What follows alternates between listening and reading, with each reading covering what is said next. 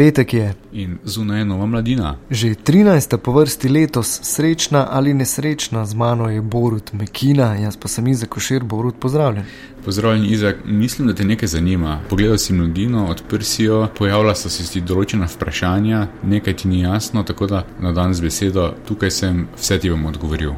Predvsem me zanima, zakaj si zapisal, da pozabljamo, da je denar kot gnoj. To moraš pojasniti tudi našim bralcem, bralkam, poslušalkam in poslušalcem. Denar je kot gnoj, zaradi tega, ker iz njega nastaja več, e, tako kot iz gnoja. In najhujše je, če ga imamo kaj spravljenega, treba ga razsipati okrog. To je sicer e, stara modrost Francisa Bacona iz 16. stoletja, je en esej napisal zanimiv e, o tem, kako mora država pravilno vladati, da ne pride do uporov ljudi. In je rekel, da če denar država pri bogatih zadržuje, so kašče polne, ampak vseeno vedno ljudje stradajo, ne? to je stara modrost. Ampak dejansko smo o tem pisali. Pisali smo, če si opazil, se je zdaj, v, predvsem v zadnjem tednu, v zadnjem mesecu, uh, v Sloveniji smo dobili neke vrste novo histerijo. Pojavilo se je pripričanje, da zapravljamo, da država je izgubila kompas, uh, da je vse totalno noro. Elementi te histerije so recimo podpis porazuma z levico, ne, gospodarska zbornica pravi, ja, kje pa so finančni izračuni, kam nas bo to pri, pripeljalo, grozno. Ne. Potem imamo uh, poročilo fiskalnega sveta, vlada se je odločila pri proračunu, da bo poraba 270 milijonov evrov preveč, pravijo, mogoče je to neustavno, SDS seveda napoveduje zdaj uh, ustavno obtožbo zaradi tega in skratka tukaj prišlo do neke histerije, da uh, ne, že prej, dejansko se je že z začetku te vlade začelo s tem, da se bo samo uporabljalo. Ne? In o tem smo pisali, smo poskušali razložiti točno, kaj se dogaja, kakšna je situacija, kaj te za tega zanima, povej. Glede na to, da na to uporabljanje pada toliko kritik, zakaj je taka panika, oziroma kdo jo ustvarja? Ker če denar je, dobiček je, kriza je minila, koga to tako skrbi? Situacija je sledeča. Slovenija v zadnjem četrtletju leta 2017, Evropa v polovici 2017 se je znašla, ko zdaj podatki za nazaj se vidijo, eh, na vrhuncu eh, gospodarske rasti. To je nek normalen cikel. Potem vedno gre, ta, ta graf gre vedno dol. To je za najbolj kritičen trenutek, ker v tem trenutku, ko smo na vrhu, recimo, eh, vlade ali pa države napačno reagirajo, lahko pride do, do, do reakcij, ki so iracionalne, ne? torej do strahu, lahko se stra, strah eh, razširi in, kot bi rekli ekonomisti, pademo v naslednjo globoko krizo, iz katere spet ne, se ne moremo rešiti. Zaradi tega so uh, vse države zdaj po Evropi dejansko reagirale in poskušajo malce bolj zaustavljati ta parec oziroma ga kontrolirati, da je to normalno. Ne? In en tak zanimiv podatek je, da recimo 12 držav evro uh, skupine se je odločilo, da bo malce več. Začelo trošiti. Zelo pomembno je, pa, kar se do zdaj še ni zgodilo, je Nemčija. Nemčija je vedno zdaj trdila, da moramo šparati, šparati, šparati in tako naprej.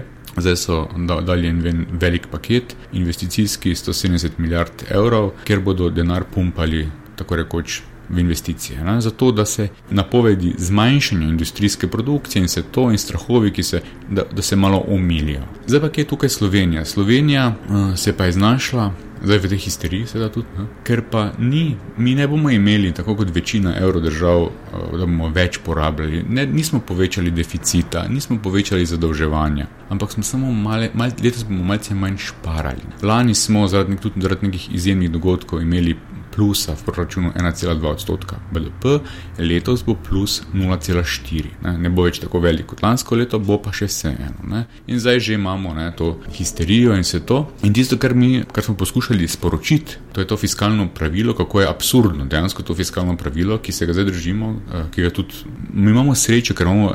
Ekonomista Boleta, ki je pred leti dokazal in celo druge države Evrope prepričal, plus komisijo, da se odpove tem izračunom, ker so, ker so kontraproduktivni in delajo veliko škodo. Mi sami smo pa dali v ustavo si noter to fiskalno pravilo. Ne?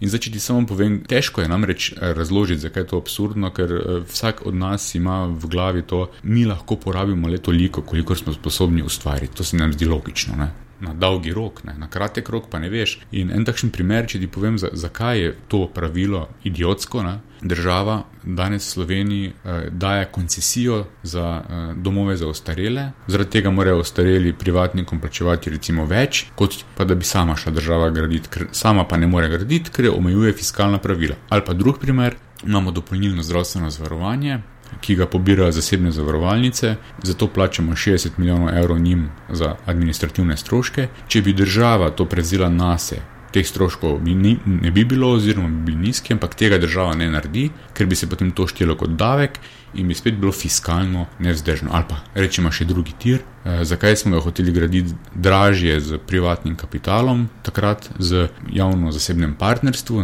Zakaj draže, ker kao država nima denarja. To so ti absurdi, do katerih potem pridemo. Ne? To debato lahko zaključiva z enim zelo povednim vprašanjem, ki si ga zapisal, glasi pa se: Če se zadolžimo za to, da zgradimo most, s tem res obremenjujemo prihodne rodove ali jim pomagamo? Borut, povej, kaj se lahko še preberemo v novi mladini.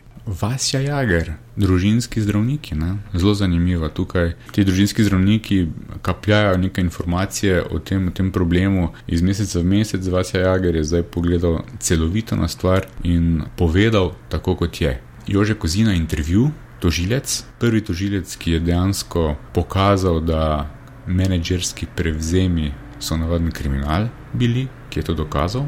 Dober intervju, Petr Petrovčič ga je naredil. Marcel Štefančič je pisal o Venezueli, o mrku, ki se je tam zgodil, o dezinformacijah, ki jih slišimo okrog Venezuele, in imamo še posebno presenečenje. Ugotovili smo na uredništvu, da smo se prejšnji teden res zmotili z naslovko, da smo užalili gospoda Orbana, ki ga nadvse cenimo.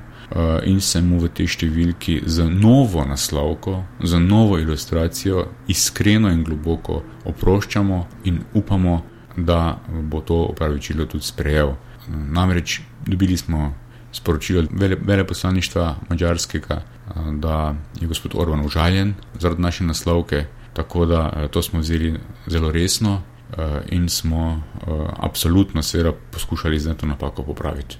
Torej, naj živita ljubezen in prijateljstvo, več pa v novi mladini. Tudi na spletu nas najdete trikrat dvojnjevi pika, mladina, pika jesi, spletna stran, ki jo Borut Mekina obiskuje vsakih deset minut. Hvala, Borut. Hvala tebi.